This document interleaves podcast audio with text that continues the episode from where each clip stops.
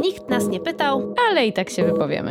Feministyczny podcast o kulturze, społeczeństwie i wszystkim tym, co nam się podoba. Zapraszają Kasia Chrobak, Agnieszka Szczepanek i Mopsiczka Linda. Dzień dobry, dzień dobry, drogie osoby słuchające, słuchacze i słuchaczki. Dzisiaj bardzo, bardzo wyjątkowy odcinek, który już zapowiadałyśmy, na który bardzo czekałyśmy i mamy bardzo wyjątkową gościnę, która łączy się z nami z Pakistanu. Jest to Jagoda Grądecka. Jagodo, dzień dobry. Dzień dobry, bardzo dziękuję za zaproszenie. Łączymy się, ponieważ nasza gościni wystąpi dzisiaj w roli ekspertki. Jest iranistką, dziennikarką, jest też nagrodzoną przez wysokie obcasy zeszłorocznym laurem superbohaterki za swoje działania w Afganistanie, o których mogliście i mogłyście czytać w zeszłym roku bardzo obszernie. Więc dlatego bardzo się cieszymy, że mamy szansę z Tobą porozmawiać na temat, który dzisiaj będziemy poruszać, bo jest on nam bardzo bliski. Też skłonił nas do takiego dodatkowego researchu i wyjścia też spoza swojej europocentrycznej bańki bo wiadomo, że to jest taki bardzo wygodny obszar, w którym lubimy sobie siedzieć i opowiadać różne historie i herstorie i tym bardziej cieszymy się, że dzisiaj realizujemy ten odcinek, a Kasia powie, dlaczego on jest jeszcze wyjątkowy. Tak, ten odcinek powstaje na zaproszenie Gutek Film, dystrybutora filmu Holy Spider, który już wchodzi do kin powoli, już można go oglądać na pokazach przedpremierowych. Dostałyśmy szansę obejrzeć go wcześniej i zgłębić tę historię, a historia jest prawdziwa. Film to jest taki true crime story, opowiada o wydarzeniach z przełomu lat 2000-2001 które miały miejsce w Iranie. Jest to historia kobietobójstwa popełnionego na tle religijnym przez fanatyka, przez e, mężczyznę, który zabił kilkanaście kobiet w mieście Meszed. Jest to historia z jednej strony tych wydarzeń, z drugiej strony tutaj taka dofabularyzowana warstwa tego filmu, czyli wydarzenia są prawdziwe, cała opowieść jest fabularyzowana. Była rzeczywiście taka dziennikarka, która tropiła tego, tego mordercę. Ten film tak naprawdę naprawdę jest też o niej i o jej śledztwie dziennikarskim, więc tym bardziej się cieszymy, Jagoda, że jesteś z nami i też będziesz mogła z tej dziennikarskiej strony trochę dopowiedzieć. Więc film, spoiler, skończy się dobrze i sprawiedliwość triumfuje i morderca zostaje ukarany. Natomiast można mieć wątpliwości w trakcie oglądania tego filmu, co tak tam naprawdę się wydarzy. No i dzisiaj ten film będzie dla nas pretekstem do rozmowy na wielu innych płaszczyznach. Tak, no bo oprócz tego, że mamy tą korową historię dotyczącą zabójstw kobiet, no to jest też dużo różnych wątków, które warto poruszyć dotyczących irańskiego społeczeństwa i przede wszystkim irańskich kobiet. I dlatego tutaj mamy takie pierwsze pytanie do Ciebie, związane z tym, że w licznych wywiadach, w których Ali Abbasi opowiada o swoim filmie, podkreśla, że była to historia przełomowa dla irańskiego społeczeństwa, kiedy ona się wydarzyła, że było to takie wydarzenie bezprecedensowe, chociaż powtarzał też, że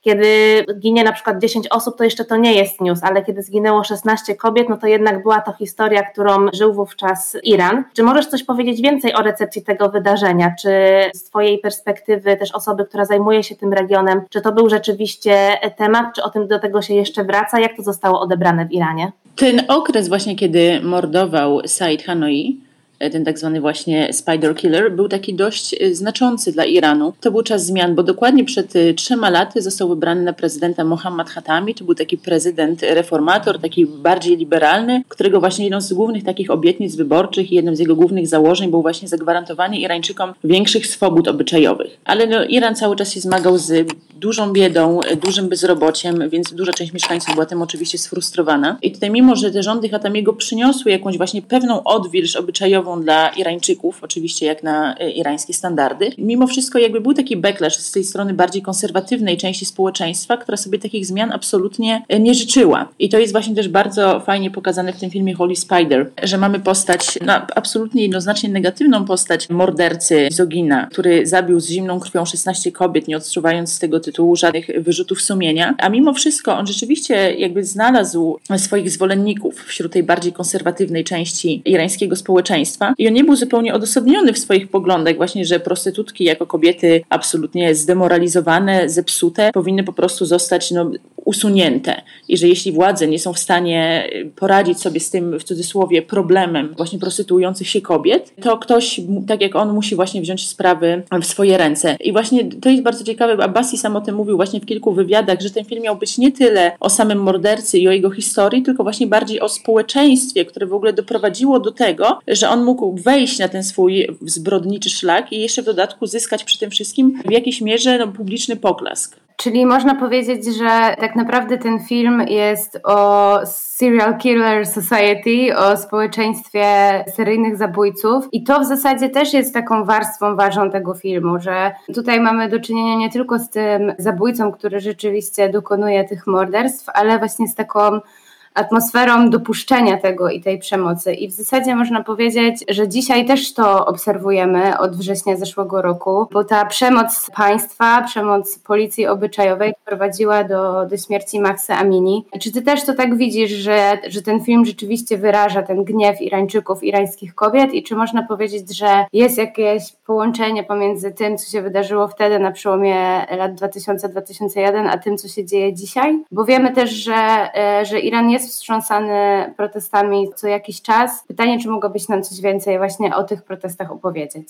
Myślę, że ten film pokazuje też właśnie w pewnej mierze, że z jednej strony pewne problemy irańskiego społeczeństwa pozostały takie same, a wręcz mocno się nasilają. Jak właśnie przede wszystkim kryzys gospodarczy, bardzo zła sytuacja ekonomiczna w tej chwili już tak naprawdę większości Irańczyków, która jest dla nich bardzo frustrująca. I te protesty na taką dość dużą skalę, które się w Iranie regularnie odbywają od końcówki 2018 roku, one początkowo wybuchały właśnie głównie z powodu sytuacji gospodarczej. Ludzie protestowali ze względu na galopującą inflację, wzrost cen podstawowych produktów, ucięcie subsydiów na paliwa, które było bardzo ważne dla większości Irańczyków. I ta śmierć Mahsy Amini i te protesty, które nastąpiły potem, no to był pierwszy bodajże raz, kiedy z takim zarzewiem właśnie kolejnych bardzo dużych protestów były kwestie obyczajowe. I to z kolei pokazuje, że z jednej strony te problemy pozostają takie same, ale z drugiej, że irańskie społeczeństwo mimo wszystko przez te ostatnie dwie dekady także bardzo mocno się zmieniło, ponieważ widzimy, że właśnie wtedy mieliśmy, oczywiście prawdopodobnie gdyby dzisiaj również pojawił się taki seryjny morderca, który na celownik właśnie obrałby prostytuujące się kobiety, z całą pewnością znalazłby też jakąś grupę swoich zwolenników. Nie mam też niestety wątpliwości, że tak byłoby nie tylko w Iranie, ale też w wielu innych częściach świata. Natomiast z drugiej strony tutaj widzieliśmy no,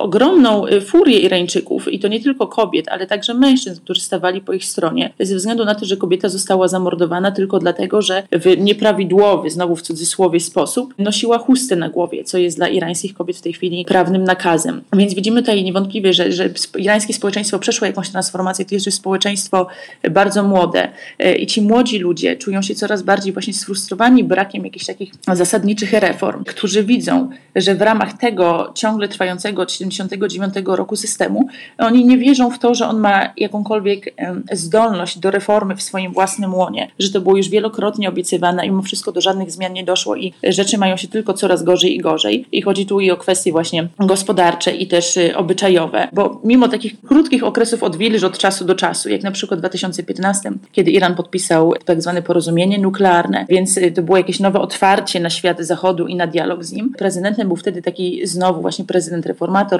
Hasan Rouhani, który osobiście miał wydać zalecenie tej policji obyczajowej. Nie rozwiązał jej, ale ona miała jakby mniej ścigać właśnie na przykład kobiety za to przestępstwo nieodpowiedniego zakrywania się, mniej ścigać generalnie młodych Irańczyków za takie zbrodnie, jak na przykład trzymanie się za ręce czy, czy jakiś pocałunek w przestrzeni publicznej. Jednak znowu nastąpił tutaj, nastąpił tutaj pewien zwrot po tym, jak Donald Trump jednostronnie wycofał się z tego porozumienia, co dodało wiatru w żagle tym irańskim tak zwanym twardogłowym, którzy cały czas mówili, widzicie, Zachód to nie jest wiarygodny partner, Zachodem nie należy się układać, nie możemy poświęcać naszych wartości na rzecz tego, żeby z Zachodem nawiązywać jakiś dialog. Prezydentem został bardzo konserwatywny Ibrahim Raisi, który słynął wcześniej głównie z tego, że jako sędzia i członek systemu więziennictwa w latach 80. po rewolucji osobiście odpowiadał za skazanie na śmierć no, tysięcy więźniów politycznych. I tej władza znowu zaczęła przykręcać Irańczykom i Irankom śrubę. W ostatnich miesiącach słyszeliśmy na przykład o takich pomysłach, jak wykorzystywanie nowoczesnych systemów do rozpoznawania twarzy, właśnie po to, żeby móc e, lepiej, wydajniej właśnie śledzić kobiety, które się nieodpowiednio w przestrzeni publicznej zakrywają. No co wszystko stopniowo w połączeniu z tymi problemami gospodarczymi, które cały czas się pogłębiają, e, doprowadziło no, Irańczyków i Iranki do wyjścia na ulicę i tej w odróżnieniu od protestów po prawdopodobnie sfałszowanych wyborach w 2009 roku, e, które się nazywały Zieloną Rewolucją, kiedy oni się domagali sprawiedliwości, większej przejrzystości, demokratyzacji, ale w ramach tego samego systemu. Teraz mówili już jednoznacznie, że my po prostu chcemy całkowitego resetu, że ten system jakby nie ma dalej miejsca, że nie widzimy, jak on mógłby się zmienić na naszą korzyść, że nie widzimy, jak mielibyśmy się realizować, nie widzimy swojej przyszłości właśnie w tym obowiązującym teraz systemie i że on po prostu musi odejść, że chcemy czegoś zupełnie nowego, nowego rozdania, co było no, ewenementem w Iranie od, przez ostatnie 40 lat. Tak, no to jest bardzo ciekawe, o czym mówisz, zwłaszcza, że jak znowu wrócimy do filmu, bo ten film dla mnie jest bardzo wartościowy, dlatego że on po prostu w bardzo wielu takich warstwach zahacza o bardzo ważne punkty i nie daje jednoznacznych odpowiedzi. I jednym właśnie z takich dla mnie mrożących krew w żyłach punktów w tym filmie była sama postać tego Saida, mordercy. Z jednej strony jest to fanatyk i zbrodniarz, który dopuszcza się tych morderstw bez cienia wyrzutów sumienia, wierząc w misję, którą Bóg mu przysłał i którą musi wypełnić, wyczyścić ulice Iranu. I z jednej strony mamy, mamy tutaj taką moralność, która jest taka bardzo podwójna, bo zakłada popełnienie jakiegoś bardzo haniebnego czynu w imię jakiejś wyższej moralności i tego, że dzięki temu poświęceniu i jakby takiemu odwrotowi od, od moralności, ta moralność jakby nadrzędna będzie wypełniona. I tutaj mamy takie zło usprawiedliwiane dobrem i to jest też taka sytuacja, wydaje mi się, dla tej Republiki Islamskiej gdzieś tam, która gdzieś funkcjonuje i może byśmy porozmawiały teraz o tym, w jaki sposób tutaj funkcjonuje właśnie to prawo szariatu, fatwa, bo to jest jednak coś, co jest zupełnie obce naszemu tej kręgowi rozumienia i funkcjonowania. Znaczy ja jeszcze w tym, właśnie w postaci tego mordercy myślę, że Abbasi to poruszył, nie wiem do końca czy intencjonalnie, czy, nie, czy nieintencjonalnie, ale taki problem, ponieważ no, Iran od 81 do 89 był również przez 8 lat krwawej, wyniszczającej wojnie z Irakiem. I kilkukrotnie było podkreślone, że główny bohater właśnie również był na tej wojnie, że jest weteranem, co na pewno odcisnęło jakieś też duże piętno na jego psychice. I mamy też y, dialog z jego kolegą, w którym on mówi, że niektórzy jego koledzy właśnie zginęli na froncie, zostali męczennikami, a tutaj właśnie ten kult męczeństwa w szyickim islamie, który jest państwową religią w Iranie, jest bardzo silny i bardzo ważny. To jest taki najwyższy honor, właśnie zostać szahidem, czyli męczennikiem. On, on wyraża taki żal, że niektórym jego kolegom udało się właśnie zginąć na froncie, przynieść wieczną chwałę swojej rodzinie, właśnie zostając męczennikiem, że niektórzy przynajmniej e, wrócili z tego frontu jakoś uszkodzeni, a, a jemu w zasadzie nic się nie stało. On po prostu spokojnie wrócił do domu w dobrym zdrowiu. I nawet tam pada takie zdanie, że on chciałby, żeby ta wojna nigdy się nie skończyła. On bardzo silnie przypomina mi w tym e, Macbeta. Bo widzimy po prostu właśnie postać takiego faceta, który idzie na front i tam dzielnie walczy. O Macbeth, jakby Szekspir pisał o Macbecie, że był właśnie jednym z najdzielniejszych żołnierzy na froncie, że najzacieklejszy na polu bitwy i któremu właśnie wojna przynosi w życiu jakiś sens, po czym on wraca do domu, wojna się kończy, ten sens znika. I również y, u Macbeta wtedy właśnie zaczynają się morderstwa ponieważ on szuka właśnie jakiejś swojej nowej drogi, swojej misji. I tutaj Abbasiego mamy właśnie taką misję, którą on twierdzi, że nadał mu sam właśnie imam Reza, czyli ósmy szyicki imam, którego właśnie mauzoleum i świątynia znajdują się w Maszhadzie i są takim bardzo jednym z najważniejszych miejsc pielgrzymek właśnie szyickich muzułmanów. U Macbeta mieliśmy po prostu wiedźmy, które powiedziały mu jakąś przepowiednię i znowu dla niego była to pewna właśnie po prostu misja, w którą on e, uwierzył i wszedł, e, wszedł na ten, na ten szlak zbrodni, wierząc, że, że jest to w jakimś wyższym celu, że to jest w jakiejś Y, dobrej sprawie. No a w społeczeństwie, tak, no właśnie kiedy zaczęła się Islamska Republika, czyli w 1979 roku, irańskie prawodawstwo zostało w dużej mierze oparte właśnie na y, prawie szariatu, które, y, no jak w każdej monoteistycznej religii, jest dość mocno z naszej zachodniej perspektywy oczywiście dyskryminujące wobec kobiet. I jest to jedno, no w zasadzie właśnie ten ucisk kobiet wyrażony właśnie między innymi poprzez nakaz noszenia chusty niezależnie od y, woli danej kobiety, bo oczywiście mamy też mnóstwo Iranych, tak jak ogólnie mnóstwo muzułmanych, które z różnych powodów chcą nosić chustę, bo jest to dla nich wyraz jakiejś ekspresji religijnej, światopoglądowej czy innej. Jednak tutaj mamy nakaz prawny i nie jest to jakiś nakaz, który na przykład pozostaje bez znaczenia i to prawo bywa bardzo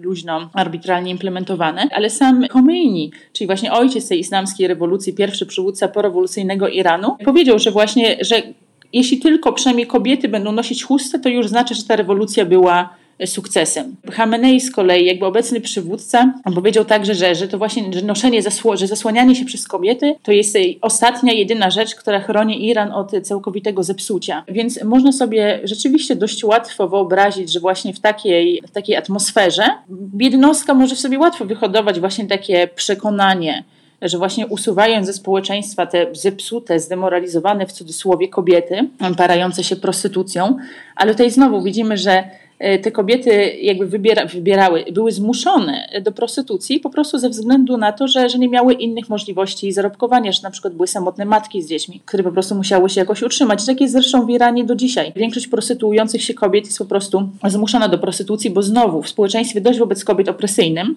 i chociaż Iranki i tak nie są w aż tak złej pozycji, jak kobiety w niektórych innych krajach muzułmańskich mogą na przykład podejmować samodzielną pracę, to wciąż nie jest to dla nich tak łatwe jak, e, jak dla mężczyzn. I wiele kobiet mówi o tym, że, one absolutnie nie chciałyby się prostytuować, ale że po prostu nie mają zupełnie innego wyjścia. Ponieważ na przykład właśnie nie mają małżonka, są samotnymi matkami, często mają jakąś pracę, wykonują jakiś zawód, jednak zwyczajnie jest to znowu, znowu w irańskich warunkach gospodarczych niewystarczające do przeżycia. Więc to jest jest coś, co ta, ta sytuacja właśnie wpycha te kobiety na margines, zmusza je do prostytucji. No i tu widzimy też ogromną hipokryzję mężczyzn, którzy z jednej strony chętnie z tych usług świadczonych przez te kobiety korzystają, ale z drugiej strony właśnie odsądzają te kobiety od czci i wiary, uważając je za zupełnie zdemoralizowane i niegodne. I tutaj mamy znowu u Abbasiego postać policjanta, który prowadzi śledztwo nad tymi morderstwami, który właśnie z jednej strony kilkakrotnie mówi, że przecież te kobiety były zupełnie bezwartościowe. Widać, że policja w ogóle nie chce za bardzo się tym zajmować zajmować, że, że to śledztwo jest prowadzone tak bardzo od niechcenia. Natomiast y, z drugiej strony, kiedy tylko ma okazję, kiedy główna bohaterka, dziennikarka przyjeżdża do Maszhadu, żeby prowadzić śledztwo, to przychodzi do jej pokoju hotelowego i próbuje zmusić ją do seksu, jednocześnie cały czas podkreślając, że, że ona jest jakąś właśnie kobietą zepsutą, zdemoralizowaną, bezwartościową, oskarżając ją o to, że w przeszłości właśnie wdała się w, jakiś, w jakąś, w jakąś pozamałżeńską relację w swoim poprzednim miejscu pracy. I tutaj mamy nawet właśnie postać znowu kolegi tej kobiety, dziennikarza, który z jednej strony jest bardziej po jej stronie, należy do tych bardziej otwartych mężczyzn, e, natomiast on też z drugiej strony pyta ją właśnie o, o, te plotki dotyczące jej odejścia z poprzedniego miejsca pracy, o to, czy coś, czy, czy coś miało miejsce pomiędzy nią a jej byłym szefem. I ona wyjaśnia, że, że ona była po prostu ofiarą molestowania seksualnego w miejscu pracy. I że, że właśnie to ona była ofiarą całej tej sytuacji, ponieważ y, ona, to ona była molestowana, to ona potem straciła pracę. A on mówi o tym, jakby po prostu to był jakiś romans za obopólną zgodą. I to też właśnie bardzo mocno pokazuje taką ogromną hipokryzję dużej części mężczyzn którzy chętnie w takie, w, czy to korzystają właśnie z usług e, prostytujących się kobiet, czy wdają się właśnie w jakieś pozamałżeńskie relacje, e, jednocześnie bardzo mocno gardząc tymi kobietami. Dobra, to odpowiedziałaś na kilka naszych pytań w, te, w tej wypowiedzi, ale fajnie, że przedstawiłaś tutaj właśnie różne postaci mężczyzn w tym filmie. Jakbyśmy teraz spojrzały na różne perspektywy, jakie przedstawiane są kobiety w tym filmie. Czyli mamy z jednej strony na pewno dziennikarkę, która właśnie dąży do tego za wszelką cenę, żeby przedstawić prawdę, żeby złapać zabójcę, mimo właśnie e, wielu przeszkód, e, między innymi takich, o których przed chwilą opowiadałaś. Więc może zadam takie pytanie też właśnie o dziennikarstwo w Iranie, więc to będzie takie pytanie wielowątkowe. Z jednej strony, jak widzisz te dziennikarstwo, dziennikarkę w filmie, którą sportretowała Zaramir Ebrahimi, a z drugiej strony, czy mogłabyś coś powiedzieć właśnie o tym, jak wyglądała praca dziennikarska w Iranie? Ja sama nigdy nie pracowałam w Iranie jako dziennikarka, więc mogę się tutaj posługiwać wiadomościami z trzeciej ręki, które słyszałam od kolegów, koleżanek, którzy y, pracowali. Znaczy, irański reżim, jak każdy właśnie autorytarny reżim, y, nie przypada za dziennikarzami. Jest to praca bardzo trudna, bardzo ryzykowna, w szczególności dla samych Irańczyków i Iranek. Oczywiście zagraniczni dziennikarze, jak zawsze w takim przypadku, są w nieco lepszej pozycji bo władza jednak nie może sobie pozwolić z nimi na tak wiele, jak ze swoimi własnymi obywatelami. No ale właśnie co jest bardzo znamienne, to że irańskie dziennikarki, najpierw dziennikarka, która właśnie napisała jako pierwsza o śmierci Mahsa Amini, później dziennikarka, która relacjonowała pogrzeb Mahsa Amini, one obie zostały uwięzione przez reżim tylko i wyłącznie za wykonywanie swojej dziennikarskiej pracy i zainformowanie społeczeństwa o tym, co się wydarzyło. Jak widzimy teraz też oczywiście w mediach bardzo wiele było tekstów na temat Iranu w ostatnich miesiącach, także w zachodnich mediach. Jednak wszystkie te teksty one nie były pisane z Teheranu czy z jakiegokolwiek innego irańskiego miasta. One powstawały w biurach tych agencji na przykład na zachodzie, w Londynie czy w Paryżu. I właśnie znajomi z różnych agencji na przykład, którzy pracują teraz w Kabulu i których agencje mają także swoje biura w Iranie, opowiadali, że w Iranie owszem jakby są ich reporterzy, że oni tam mają biuro, że oni tam teoretycznie e, mają pozwolenie na pracę, jednakże z drugiej strony no jest dla nich zupełnie niemożliwe, żeby na przykład wyjść na ulicę, rozmawiać, no na przykład pójść na protest, rozmawiać z ludźmi, relacjonować to, co się dzieje, właśnie ze względu na to, że ryzykowaliby tym samym po prostu uwięzieniem. E, dlatego właśnie te teksty są przygotowywane przez ich kolegów e, w, w Europie, którzy na przykład rozmawiają ze swoimi bohaterami przez e, telefon. Więc no, tak, właśnie, no, tak jak te, wszystkie reżimy tego typu mają do tego skłonność, jakby ta praca dziennikarzy jest bardzo mocno ograniczana przez państwo, które bardzo nie chce, żeby pewne fakty wychodziły na jaw. I to właśnie to samo widzimy tam, to samo widzimy właśnie w filmie, że dziennikarka, która chce po prostu odkryć tajemnicę tego, kto jest mordercą, co teoretycznie powinno być przecież wszystkim na rękę. Jest to jak najbardziej społecznie użyteczne. Ludzie w Maszhadzie bardzo się boją, widzimy wiele scen, kiedy ludzie ze sobą rozmawiają, ojców, którzy mówią, że zabraniają swoim córkom wychodzić wieczorem. Jednak władze bardzo starają się jej utrudnić to śledztwo. I mamy też tego, tego muły, który właśnie twierdzi wręcz, że ona nie chce odkryć prawdy, że ona chce po prostu jakoś tutaj zaszkodzić wizerunkowi kleru, że ona chce wywołać jakiś skandal. No i to jest, to jest właśnie retoryka, którą posługują się podobne rządy. Ja sama miałam, ja i moi koledzy i koleżanki mieliśmy niezliczone takie rozmowy z różnymi talibskimi oficjalami, którzy oskarżali nas o to, że nam absolutnie nie chodzi o relacjonowanie tego, co się dzieje, tylko szerzenie właśnie negatywnej propagandy i przedstawianie reżimu w złym świetle. I ciężko im bardzo było zrozumieć, że jeśli oni zachowują się w określony sposób i robią określone rzeczy, no to pisanie o tym, owszem, siłą rzeczy będzie wstawiało ich w złym świetle, ale nie jest to wyraz niczyjej e, złej woli, no tylko po prostu społecznego odbioru tego, co, co robi władza. Tak, to jest też w ogóle super ciekawe, biorąc pod uwagę, że sam film w ogóle nie powstawał w Iranie, bo nie mógł tam powstać po prostu, mimo tego, że reżyser początkowo próbował zdobyć to pozwolenie od y, ludzi, którzy zajmują się właśnie w jakiś sposób tym szerzeniem irańskiej kultury. Opowiadał, że został wezwany raz na herbatkę, powiedziano mu, że rozważą to, po kilku miesiącach upomniał się i znowu go zaproszono na herbatkę i wtedy wiedział, że jakby ten proces herbatkowania będzie się ciągnął w ogóle latami, że po prostu musi poszukać innych lokacji, które będą przypominały Iran, który on pamięta z tego czasu, bo on też wówczas żył w Iranie i wiedział jakby co chce oddać, nawet mając na myśli to, że sprowadzano samochody charakterystyczne dla tego okresu. Mhm. A co jest jeszcze bardziej w ogóle w tym wszystkim dojmujące, to to, że jak opowiadają twórcy, ten film prawdopodobnie nigdy nie zostanie pokazany w Iranie, chociaż jak sam Abbasi mówi, tam nie ma nic obrazoborczego. On po prostu przedstawił historię, pokazał same właściwie fakty,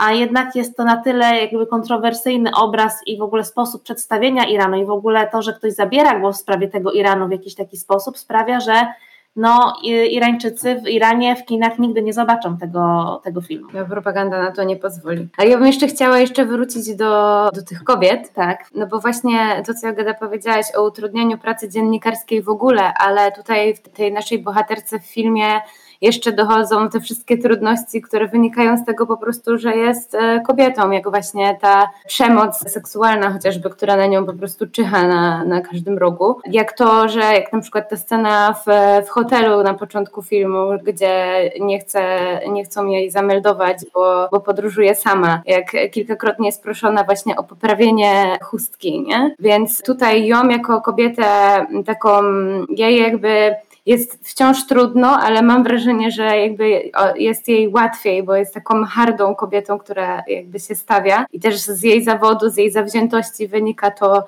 to jak ona postępuje, choć wciąż się boi, ale są też właśnie jakby dwie inne perspektywy w tym filmie, czyli z jednej strony jest żona przestępcy, która wypełnia taką tradycyjną rolę, matki, żony. No i są te nieszczęsne ofiary mordercy, czyli kobiety, które są zmuszone podjąć się tej pracy seksualnej, dlatego, nie dlatego, że to jest ich wolny wybór i że e, chcą się tym zajmować, tylko właśnie dlatego, że życie je do tego zmusza. No i. Nie, bo właśnie myślałam o tej, e, o żonie właśnie mordercy, która mimo tego, że jest oczywiście wstrząśnięta, że aresztowanie i później egzekucja męża, no jakby rujnują jakieś plany jej rodziny na przyszłość na pewno, na pewno jakby prawdopodobnie wpędzą je w biedę, jako że on z tego co wiemy była jedynym żywicielem rodziny. Nie słyszeliśmy, żeby ta żona pracowała zarobkowo. No to z drugiej strony do końca broni jego decyzji, jednocześnie również bardzo pogardliwie wypowiadając się o kobietach, które właśnie padły ofiarami jej męża. E, I myślę, że to też jest ważne przypomnienie, że często kobiety też są tak naprawdę najbardziej gorliwymi strażniczkami patriarchatu. I pamiętam, tutaj, jak tylko przyjechałam niedawno do Pakistanu, właśnie rozmawiałam z, co ciekawe, z pakistańską dziennikarką, która właśnie z jednej strony jest dziennikarką, pisze dla jednego z międzynarodowych tytułów o tym, co się dzieje w Pakistanie, e, jednak z drugiej strony, jak sama podkreślała właśnie w rozmowie ze mną, pełni właśnie taką bardzo tradycyjną rolę również matki, żony, pani domu i która właśnie zaczęła rozmowę ze mną właśnie od, od tego, że jej się nie podoba generalnie, jak zachodnie media przedstawiają e, sytuację kobiet właśnie w takich państwach jak Pakistan,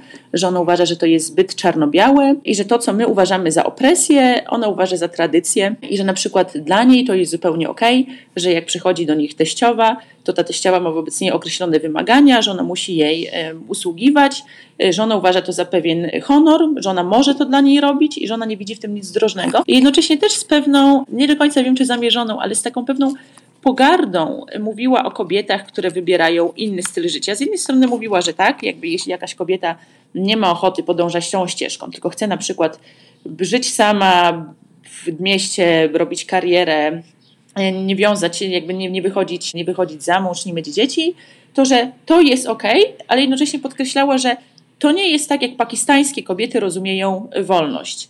I jako przykład podała tutaj przed właśnie jakoś dwoma tygodniami doszło do kolejnego w ostatnim czasie przypadku zbiorowego gwałtu na kobiecie w największym miejskim parku, co wywołało również protesty. Potem pakistańska, taka pakistański odpowiednik Rady Radiofonii i Telewizji zabroniły mediom pisać w ogóle o przypadku tego gwałtu i o tych protestach, twierdząc, że te właśnie ten, ten zakaz pisania o tym ma służyć chronieniu tożsamości ofiary. A kobiety właśnie, które protestowały dzień czy dwa po tym, jak doszło, jak doszło do tego gwałtu, Potem, kiedy zostało to podane do wiadomości publicznej, one domagały się, właśnie skandowały między innymi, że one chcą wolności. Jak się domyślam, na przykład właśnie wolności od męskiej przemocy, wolności od tego, że kiedy idą właśnie do parku same, chociaż ta kobieta, która została zgwałcona akurat nie była sama, była, była z mężczyzną, który jej towarzyszył, ale oprawcy mieli broń, więc niewiele to pomogło. A właśnie ta kobieta, która rozmawiała ze mną, powiedziała, że nie, nie, nie, że ja nie rozumiem o co im chodzi, kiedy one mówią, że chcą wolności, to nie jest to, jak pakistańskie kobiety rozumieją wolność i my w zachodnich mediach nie powinniśmy tego tak przedstawiać. No skończyłam tę rozmowę z nią z takimi bardzo mieszanymi uczuciami, bo czuć było bardzo mocno, że ona mimo tego, że rozumie, że są kobiety, które żyją w inny sposób i że mają do tego prawo, to jednak czuć było bardzo mocno właśnie w tym, w tym wyraz jakiejś takiej pewnej pogardy, podejrzliwości, trochę właśnie tego, że, że kobiety, które żyją w taki sposób, ok, mogą tak żyć, ale z drugiej strony w pewien sposób one same się potem proszą o to, co je spotyka, jeśli spotyka je cokolwiek złego. Więc tak, myślę, że też ważne, że pamiętać, że to, że to nie tylko mężczyźni, że to, że kobiety też są częścią tej opresji wobec kobiet co myślę, że jest w gruncie rzeczy jeszcze groźniejsze. No i to jest e, tak samo obserwujemy na Zachodzie, czy, czy w Polsce to, o czym mówisz, nie? To ten właśnie zinternalizowany patriarchat i czy postawy wielu kobiet, które się wcielają właśnie w te strażniczki patriarchatu, czy właśnie tą taką jakąś podwójną moralność, czy, czy sprzeczność, nie? Takiego myślenia. Tak, to było dla mnie właśnie w ogóle zatrważające, jak widzimy taką scenę w filmie, że kobieta chce po prostu wynająć pokój w hotelu i obsługa nie chce jej tego pokoju wynająć ze względu na to, że jest samotną kobietą. I to jest jakby no, to jest los bardzo wielu kobiet w takich krajach. Mają, bo kobiety właśnie na przykład w różnych miastach na Bliskim Wschodzie mają duży problem, żeby na przykład wynająć same mieszkanie, ponieważ powiedzmy chcą się wyprowadzić e, z rodzinnej miejscowości, nie wiem, pojechać do Teheranu czy pojechać gdziekolwiek indziej, robić karierę, e, ponieważ wynajmujący nie, nie chcą wynajmować mieszkań właśnie samotnym kobietom, no ponieważ właśnie podejrzewają, że taka kobieta może sprowadzać sobie tam mężczyzn, że ona może albo się właśnie prostytuować, albo się nawet nie prostytuować, no to być w jakichś różnych nieformalnych y, relacjach, że to będą widzieć y, sąsiedzi, więc takim kobietom jest y, bardzo ciężko. I kiedy ja potem słyszę na przykład, że w Polsce pojawiają się w ogóle takie pomysły, sugerowanie, że właściciele hoteli mieliby na przykład sprawdzać, czy para, która wynajmuje pokój rzeczywiście jest małżeństwem, czy też nim nie jest, no to jest dla mnie coś strasznego, ponieważ no, obserwowałam przez ostatnie dwa i pół roku właśnie jak się kobietom żyje, bo w Afganistanie jakby nie jest to kwestia tylko dojścia do władzy talibów, którzy po prostu prawnie usankcjonowali bardzo wiele praw obyczajowych i bardzo silnie obyczajowej opresji, która już wcześniej tam e, funkcjonowała. I ta opresja co ważne, ta właśnie taka obyczajowa opresja, ona nie dotyka tylko kobiet, ona dotyka generalnie wszystkich i o tym też właśnie mówią młodzi Irańczycy, że, że to nie jest kwestia właśnie wolności tylko kobiet, tylko kwestia jakby ich wolności jako właśnie takiego młodego społeczeństwa, że oni właśnie chcieliby móc, nie wiem, potańczyć sobie publicznie ze swoją dziewczyną czy chłopakiem, trzymać się za rękę, czy się pocałować, a nie mogą. I w, w Afganistanie na przykład właśnie obserwowałam dużo takich sytuacji, kiedy mieliśmy na przykład, no nie mieliśmy dwoje młodych ludzi, którzy byli w jakiejś tam relacji y, i oni mieli ogromne problemy, żeby się ze sobą spotkać ze względu właśnie na to, że, że to wszystko obserwują gdzieś tam sąsiedzi, że on nie może przyjść do niej, że kiedy tam idzie, musi zawsze zabrać kogoś ze sobą w roli przyzwoitki, żeby broń Boże ludzie nie widzieli, że do tej dziewczyny przychodzi jakiś samotny mężczyzna i vice versa. Więc właśnie to nie jest tak, że to jest opresja tylko wymierzona w stronę kobiet, to jest ogólnie pewna opresja w imię czyichś wartości religijnych, narzuconych wszystkim, wymierzona wszystkim. Tak, to jest właśnie tym bardziej znamienne, że biorąc pod uwagę hasło tych protestów, kobiety, wolność, życie, czyli po prostu mamy tam opresję wobec kobiet, bo jakby od tego się zaczęły te protesty, ale to życie i wolność dotyczy w ogóle wszystkich obywateli Iranu. I też ta solidarność i te akty takiej pojedynczej odwagi związane z jakimś przeciwstawieniem się temu, bo wiadomo, że te protesty trochę słabną, że nie, nie ma takiej energii, żeby ciągnąć to przez ileś miesięcy, związanej z tym, że ta sytuacja ekonomiczna, tak jak wspominałaś, jest bardzo trudna. Więc to jest po prostu czasami wybieranie między przeżyciem, a tym, żeby jakoś stanąć i bronić tego, w co wierzymy. I to jest też niesamowite, że mimo wszystko mimo tych aresztowań masowych i tego, że te kobiety rzeczywiście giną, nie nosząc mhm. prawidłowo tego hijabu, ścinały publicznie włosy, to nadal są takie akty odwagi związane z tym, że one decydują się wychodzić bez tego hijabu i pokazywać, że jest duża część nas, ludzi żyjących w Iranie, którzy chcą żyć inaczej i że musimy się tu wszyscy pomieścić. Tak, dokładnie. I tak jak wspomniałaś na początku, właśnie trudna sytuacja ekonomiczna, oczywiście te protesty straciły trochę taką swoją dynamikę, jaką miały na początku. No ale co jest też zresztą typowe dla takich ruchów, one jakby mają jakieś takie swoje momentum i przez jakiś czas są bardzo intensywne. Potem przychodzą trochę bardziej w taki okres uśpienia, właśnie trochę, trochę są trochę wygaszane, ale właśnie między innymi ta sytuacja gospodarcza bardzo mocno utrudnia ludziom protestowanie, ponieważ na przykład no, jedną z rzeczy, które doprowadziły do obalenia rządów Szacha w ramach rewolucji w 79 były masowe strajki związków zawodowych, między innymi no, pracowników takich bardzo kluczowych sektorów, nauczycieli, kierowców autobusów, pracowników różnych zakładów petrochemicznych i teraz o ile odbywały się jakieś takie strajki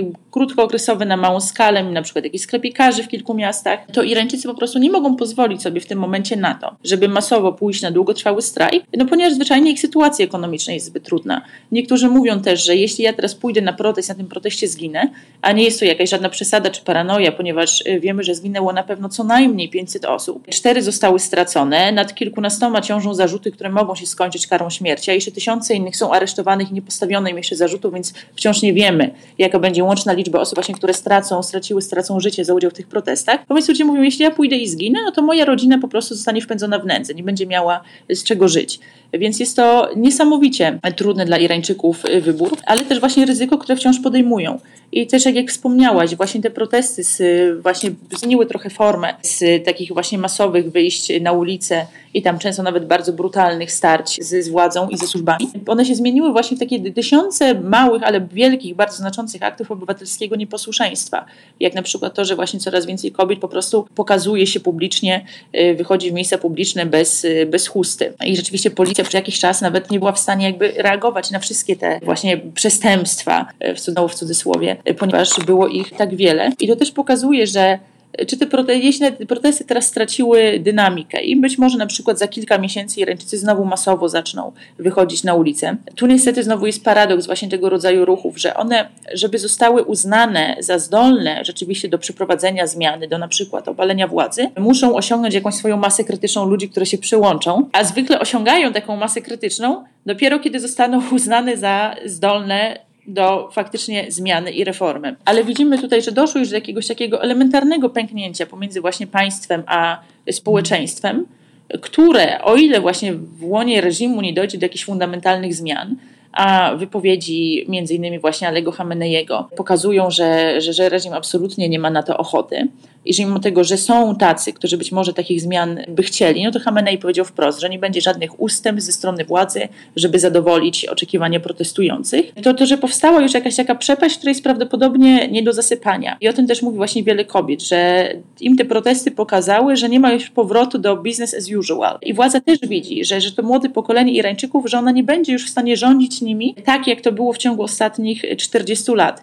Więc jest to na pewno ogromne teraz wyzwanie i dla irańskiego społeczeństwa, i z drugiej strony dla reżimu. I bardzo ciężko jest przewidzieć, w jakim kierunku to się potoczy. Zwłaszcza, że bardzo też wiele się może wydarzyć nieprzewidzianych rzeczy po drodze, jak między innymi no, prędzej czy później, i możemy tutaj przypuszczać, że raczej prędzej niż później e, dojdzie do śmierci właśnie, e, właśnie Alego Hameneiego, Ragbara, tego tak zwanego najwyższego przywódcy. No i rozpocznie się cała kwestia sukcesji. On przypuszczalnie chciałby, żeby jego następcą, też nie wiemy tego na pewno, ale żeby jego następcą był albo jego syn, albo obecny prezydent Ibrahim Raisi, e, którzy są obydwaj równie niepopularni jak on sam. Więc pytanie, czy tutaj takie takie środowiska, jak na przykład właśnie Strażnicy Rewolucji, którzy są niejako takim państwem w państwie i jak sama nazwa wskazuje, oni zostali powołani właśnie po to, żeby chronić reżim i z tego czerpią y, ogromne korzyści. Czy oni będą widzieć w sens właśnie w chronieniu władzy, która jest w gruncie rzeczy jakby bardzo wśród Irańczyków y, niepopularna?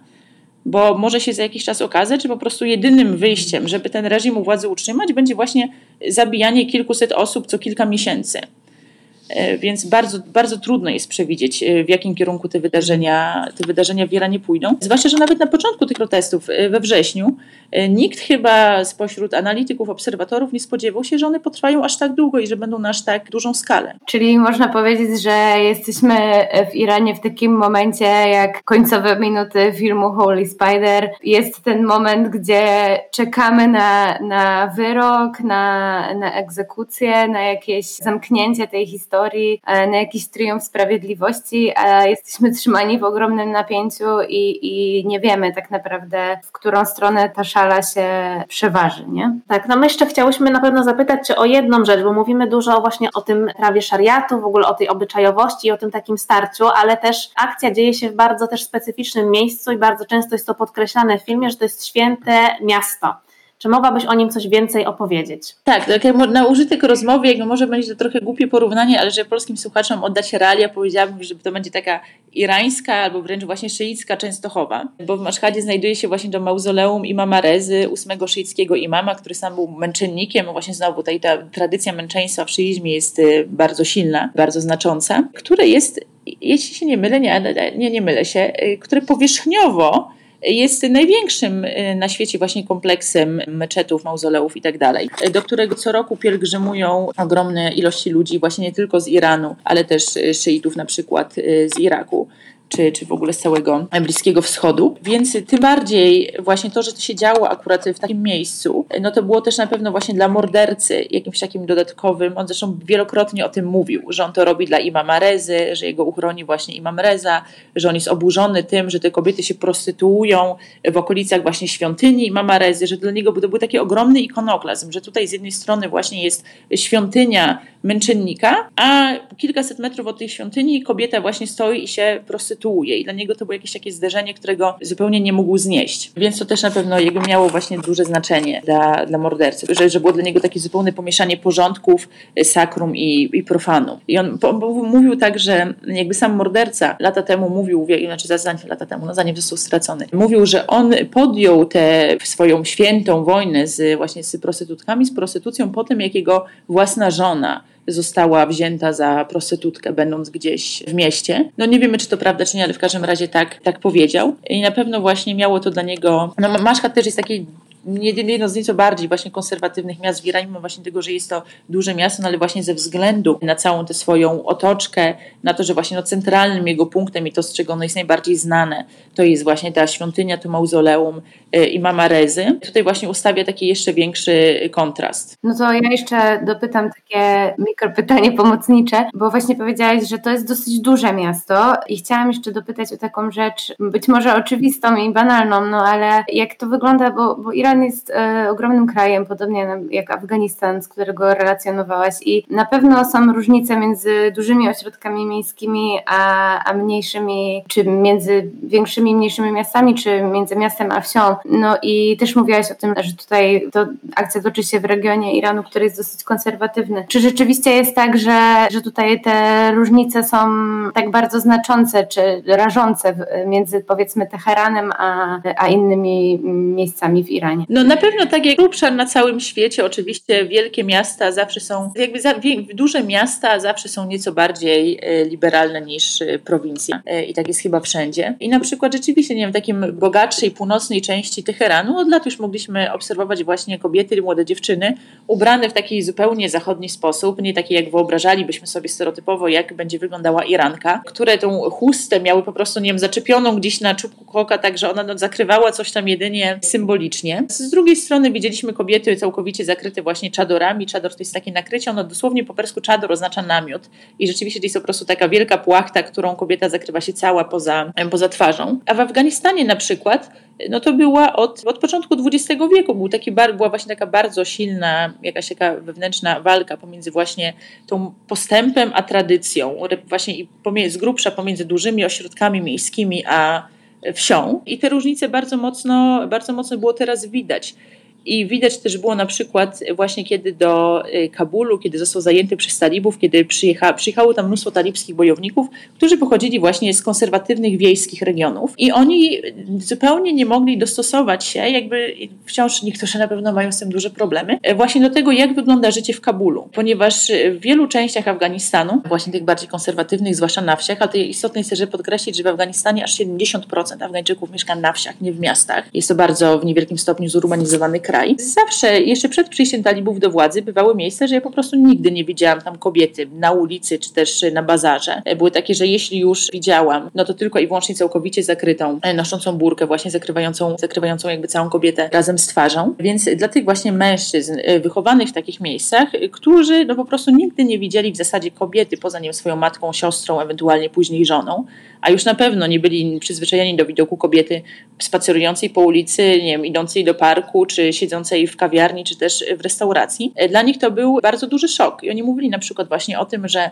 kiedy przyjechali do Kabulu, to że oni po prostu czuli się nieswojo idąc z kolegami na bazar, bo widzieli tam kobiety i że te kobiety w ogóle nie miały zasłoniętych twarzy i że oni nie widzieli, nie wiedzieli w ogóle jak się zachować, że oni się czuli tym bardzo zgorszeni, że to było dla nich coś bardzo nieprzyjemnego i, i właśnie, że oni, oni jakby zawsze też wśród Afgańczyków części Afgańczyków, tych bardziej konserwatywnych. Wielu z nich właśnie wyrażało się z taką podejrzliwością, graniczącą wręcz z wrogością wobec mieszkańców dużych miast, szczególnie właśnie Kabulu, no, który uchodził dla nich za takie po prostu centrum moralnego zepsucia. I zdarzyło mi się właśnie rozmawiać z takimi starszymi Afgańczykami, e, żyjących w jakichś takich no, odległych generalnie takich wsiach, bardzo źle skomunikowanych z miastami, którzy na przykład nie byli w ogóle sami nigdy w Kabulu, ale którzy mówili mi na przykład, że oni w ogóle by nigdy nie chcieli, żeby Afganistan wyglądał tak jak Kabul.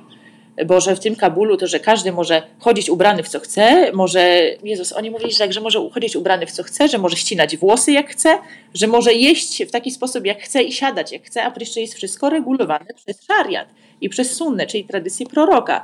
I że dla nich to jest jakiś w ogóle zupełnie obrazoburczy pomysł, że ludzie, nie tylko kobiety, ale też mężczyźni, mogliby mieć na tyle swobody, żeby właśnie robić to wszystko dokładnie tak, jak im się podoba. A już właśnie o tym, że na przykład, że w Kabulu na przykład, no widzieliśmy Dalej zresztą zdarza się, e, ale oczywiście coraz mniej, że na przykład właśnie młodzi, młode kobiety i mężczyźni siedzą razem ze sobą w kawiarniach, nie będąc ani rodziną, ani małżeństwami, no, tylko jest to po prostu grupa młodych osób. No to dla bardzo wielu Afgańczyków jakby sam taki pomysł był no, jakiś skrajnie e, bulwersujący. I bardzo mocno właśnie teraz, kiedy duża ilość właśnie talibów z prowincji przyjechała do miasta, e, widać było po pierwsze, że oni się wobec tej ludności miejskiej odnoszą ze sporą wrogością często, również widząc w niej po prostu taką bazę zwolenników poprzedniego bezbożnego reżimu i że właśnie oni mają duże problemy z tym, żeby dopasować się do tych nowych e, miejskich realiów. Między innymi właśnie do tego, że oni w przestrzeni publicznej widzą e, kobiety. No ale no, widzą ich już coraz mniej, bo później właśnie zaczęły zostać nakładane te zakazy. Na początku wydano edykt, że kobiety i mężczyźni nie mogą chodzić do parków razem, tylko że mają wyznaczone dni, kobiety trzy dni w tygodniu, kobiety cztery dni w tygodniu. Później kobietom zakazano chodzenia do parków całkowicie. I w listopadzie w Mazary Szari Sharif, w dużym akurat mieście na północy Afganistanu. Rozmawiałam w szariackim sądzie właśnie z sędzią specjalizującym się właśnie w sprawie rodzinnym, czyli między innymi w różnych kwestiach dotyczących kobiet i zapytałam go właśnie, jaka jest religijna podstawa do tego, żeby kobietom zabraniać e, chodzenia do parku.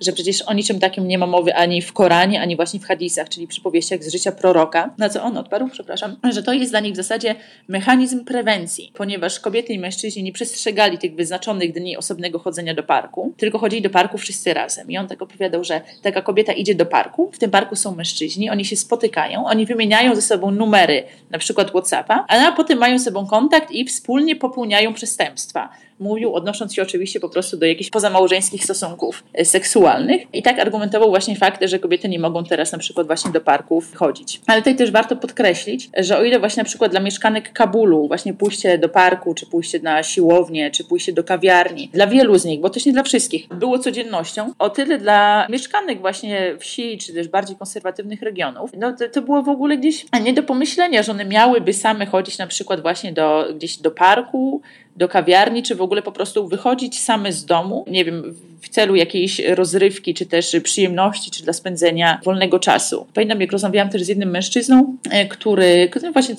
tym rozmowa była zupełnie czymś innym, ale później e, zeszliśmy właśnie na temat talibów i ograniczania przez nich e, praw kobiet, bo było to tuż po tym, jak talibowie wydali kolejny edykt, że kobiety nie mogą podróżować bez tak zwanego męskiego opiekuna na odległość większą niż 45 mil. No i on mówi, że no tak z tymi talibami, że tak nie jest do końca przekonany, mówi, ale akurat z tymi kobietami, no to oni bardzo dobrze postępują. No bo ja sobie na przykład nie wyobrażam, że ja miałbym na przykład spać w domu, a moja żona wyjść z tego domu sama. I że to jest w ogóle dla niego zupełnie nie do pomyślenia. I niestety właśnie dla bardzo, bardzo wielu kobiet w Afganistanie to takie, takie realia były zawsze, jeszcze przed, jeszcze przed czasem, kiedy talibowie doszli do władzy. One teraz najbardziej uderzają właśnie w ludność miejską, która była właśnie najbardziej taka zliberalizowana i kobiety miały najwięcej swobód. Jednak no, trzeba sobie powiedzieć wprost, że też dla większości Afganek y, w gruncie rzeczy nic się nie zmieniło, ponieważ to prawo obyczajowe, niepisane, po prostu te nakazy, regulacje społeczne wyglądały właśnie mniej więcej tak, jak teraz to prawo stanowione przez y, talibów. Myślę, że to jest ważne, żeby też pamiętać o, o tych właśnie różnicach w różnych momentach historycznych, to po pierwsze. Po drugie, między właśnie ośrodkami miejskimi a prowincją. Po trzecie, między różnymi krajami, które mamy tendencję my na zachodzie wrzucać jakby do jednego wora wszystkie kraje muzułmańskie, gdzie pomiędzy nimi są też czasem duże różnice i nie mamy dzisiaj niestety czasu wejść w to ze szczegółami, ale myślę, że tutaj chciałabym wrzucić taką zachętę do naszych e, osób słuchających, żeby gdzieś tam może sięgnąć Twoich tekstów, do, do Twoich reportaży, do, do Twojej pracy, żeby Cię śledzić i żeby też gdzieś tam mieć, jakby być uczulonym na to, że, że są też różnice pomiędzy krajami muzułmańskimi i że to też czasem jest, bywa takie podchwytliwe, że wydaje nam się czasem właśnie, że gdzieś tam wierzy nam ten syndrom białego zbawcy i wydaje nam się, że kiedy te kraje są okupowane, to, to sytuacja kobiet na przykład jest lepsza, a to nie zawsze tak jest, nie? Tak, absolutnie. Oczywiście jakby islam y, w Maroku czy w Indonezji będzie zupełnie inny niż nie wiem, w Arabii Saudyjskiej albo Iranie, albo właśnie Afganistanie talibów. To wszystko, co robią teraz talibowie, podpierają islamem y, i twierdzą, że te nakazy, zakazy, generalnie prawo, które stanowią, wynika wprost z islamu. Natomiast uczeni muzułmańscy z całego świata oprotestowują te decyzje. One mają i oni mówią, hej, jakby zakaz, zakaz studiowania przez kobiety, czy też w ogóle uczenia się przez kobiety powyżej szkoły podstawowej nie ma nic wspólnego z islamem, on jest zupełnie niemuzułmański. Więc właśnie no i, i, i sposób praktykowania tej religii i przede wszystkim właśnie pozycja kobiet w tych różnych krajach muzułmańskich będzie właśnie będzie inna w zależności od geografii, będzie tak jak powiedziałaś, inna w zależności również w, in, w różnych okresach będzie, będzie zupełnie różna. A jeśli chodzi właśnie o ten właśnie syndrom białego zbawcy, no to, to było totalnie, co, co nam przyświecało przecież, kiedy rozpoczynała się okupacja Afganistanu, tutaj właśnie prawa kobiet, wyzwolenie afgańskich kobiet, co jest samo w sobie jakimś takim, no dość, no bardzo to źle brzmi, że my jako właśnie biali ludzie przyjeżdżamy ratować brązowe kobiety przed brązowymi mężczyznami, a sama właśnie przecież pierwsza dama Laura Bush właśnie wygłosiła takie orędzie, w którym mówiła, że to jest dla afgańskich kobiet, dla afgańskich dzieci, a zapominamy i oczywiście była grupa kobiet, było bardzo wiele kobiet, które ogromnie zyskały na tych zmianach ostatnich 20 lat, które miały szansę się wykształcić, które miały dostęp do lepszej opieki medycznej.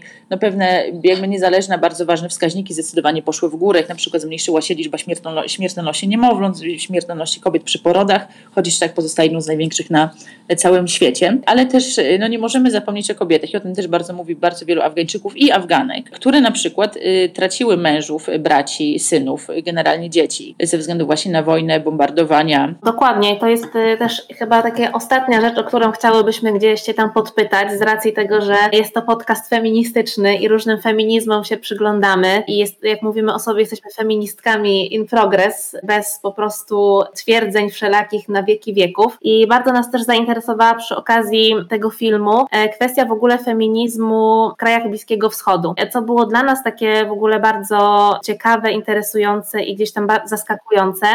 Była też y, kwestia tego, że no jest to temat bardzo dyskutowany wśród kobiet. Głównie oczywiście mówimy tutaj gdzieś tam o jakimś takim akademickim środowisku, ale możemy powiedzieć tak bardzo tutaj naszym słuchaczom streszczając, opowiedzieć o feminizmie muzułmańskim i islamskim.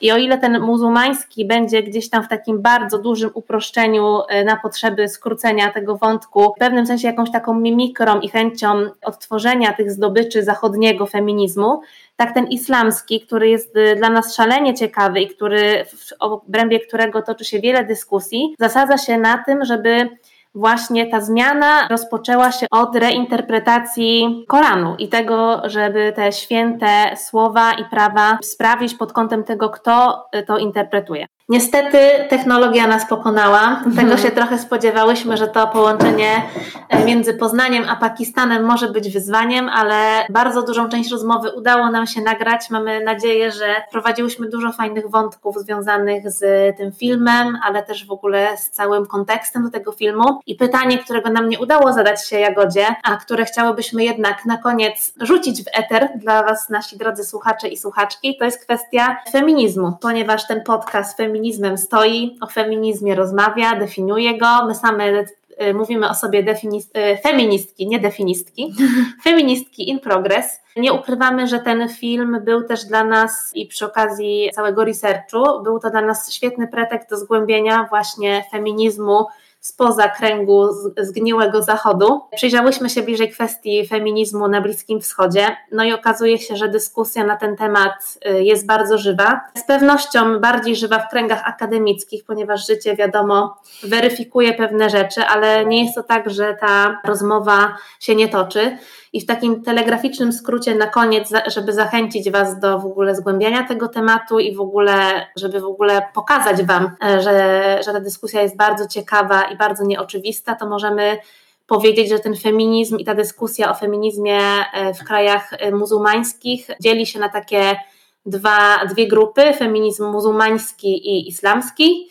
I ten muzułmański w takim telegraficznym skrócie można powiedzieć, że jest trochę taką mimikrą tego zachodniego, czy ma takie aspiracje i dążenia, patrząc na te zdobycze zachodniego feminizmu, stara się gdzieś je adaptować do swojej kultury, do swojego życia, do swojej społeczności. I jest jeszcze ten feminizm islamski, który jest super ciekawy, bo jest to feminizm, który podchodzi do tej kwestii kobiecej w kulturze krajów Bliskiego Wschodu od zupełnie innej strony, a mianowicie od reinterpretacji Koranu. Zajmuje się kwestią pokazania, że to, że kwestie wywodzone z Koranu do prawa szariatu, do tego, by mówić o tym jako prawach, które na przykład skazują kobiety na gorsze życie, to jest kwestia interpretacji i tym samym podważają pewne sposoby interpretowania, zajmują się tą metodologią, pokazują, że inne podejście gdzieś tam kontekstowe z trochę innymi akcentami pokazuje, że w Koranie że z Koranu płyną zupełnie inne wnioski, jeżeli się na niego trochę inaczej spojrzy. Wręcz przesłanie równościowe o równości płci. Tak, i są też oczywiście takie fragmenty, które w Koranie są problematyczne w interpretacjach, one również się do tych rzeczy odnoszą. Ta dyskusja również ma cienie i blaski, że tak mhm. powiem, bo same, same feministki arabskie dyskutują e, w swoim kręgu, czasami mają dużo zagwozdek, mają dużo pytań samych do siebie, nie wszystko dla nich jest takie oczywiste, ale ta dyskusja się toczy i to jest najważniejsze I to pokazuje też przede wszystkim chyba ten wniosek, którym chciałybyśmy zakończyć w tak. ogóle mm, tą dyskusję, te poszukiwania, które nas zaprowadziły w tym filmie do, do różnych wątków, mhm. do różnych wniosków, żeby jednak na ten feminizm nie patrzeć tylko jednostronnie, mhm. żeby wyzbyć się nawet w nas feministkach, osobach równościowych, takiego syndromu białego czy białej zbawicielki, mhm. która niesie kaganiec oświaty, jak to kiedyś powiedziała moja przyjaciółka, którą bardzo pozdrawiam. I właśnie chyba ten kaganiec jest tutaj clue, żeby mhm. nie myśleć, że mamy jedną prawdę i ten jeden sposób na tą równość, na tą demokrację i na to, w jaki sposób chcemy ją zaprowadzić, bo sama dyskusja o hijabie pokazuje, że chodzi tutaj o kwestię wyboru. Jak we wszystkim, chodzi o wybór, a nie o zakaz. Tak, i z tym Was zostawiamy. Mhm. Bardzo zachęcamy Was do oglądania filmu, bo uważamy, że jest to film, który w bardzo wielu wątkach porusza ważne kwestie, daje dużo do myślenia. Pokazuje tą opresję ten mariaż różnych instytucji patriarchalnych, które tak naprawdę sprawiają, że ta opresja trwa. Tak. A poza tym jest to dobry film, jest to kawał po prostu dobrego kina, nie? Tak. Dla filmoznawców możemy powiedzieć, że jest to film noir, który, jak to powiedział twórca, przeznaczenie goni tego głównego bohatera i jak to pokazuje, jak w klasycznym filmie noir, dogoni go w końcu. Mm-hmm. Więc no, mamy nadzieję, że, znaczy my jesteśmy w ogóle zadowolone, jesteśmy przeszczęśliwe, że udało nam się pogadać z Jagodą, którą tak. podziwiamy, której pracę obserwujemy i trzymamy za nią kciuki i mimo tego, że nie może nam osobiście powiedzieć do widzenia, dziękuję za rozmowę, to wiemy, że, że też była to dla niej przyjemność. Tak. I jeszcze raz na koniec dziękujemy Gutek Film za możliwość obejrzenia filmu, wejścia właśnie w tę dyskusję, za to, że miałyśmy zaszczyt objąć ten film matronatem w naszym podcaście. No i co? Idźcie po prostu do kina. Tak, i jak w, kinie, w kinach będziecie, to obserwujcie, bo na plakatach jest też nasze logo. Więc tak, dziękujemy i do usłyszenia. Pa! Producentem podcastu jest Estrada Poznańska. Wszystkie odcinki znajdziesz na estradapoznań.pl.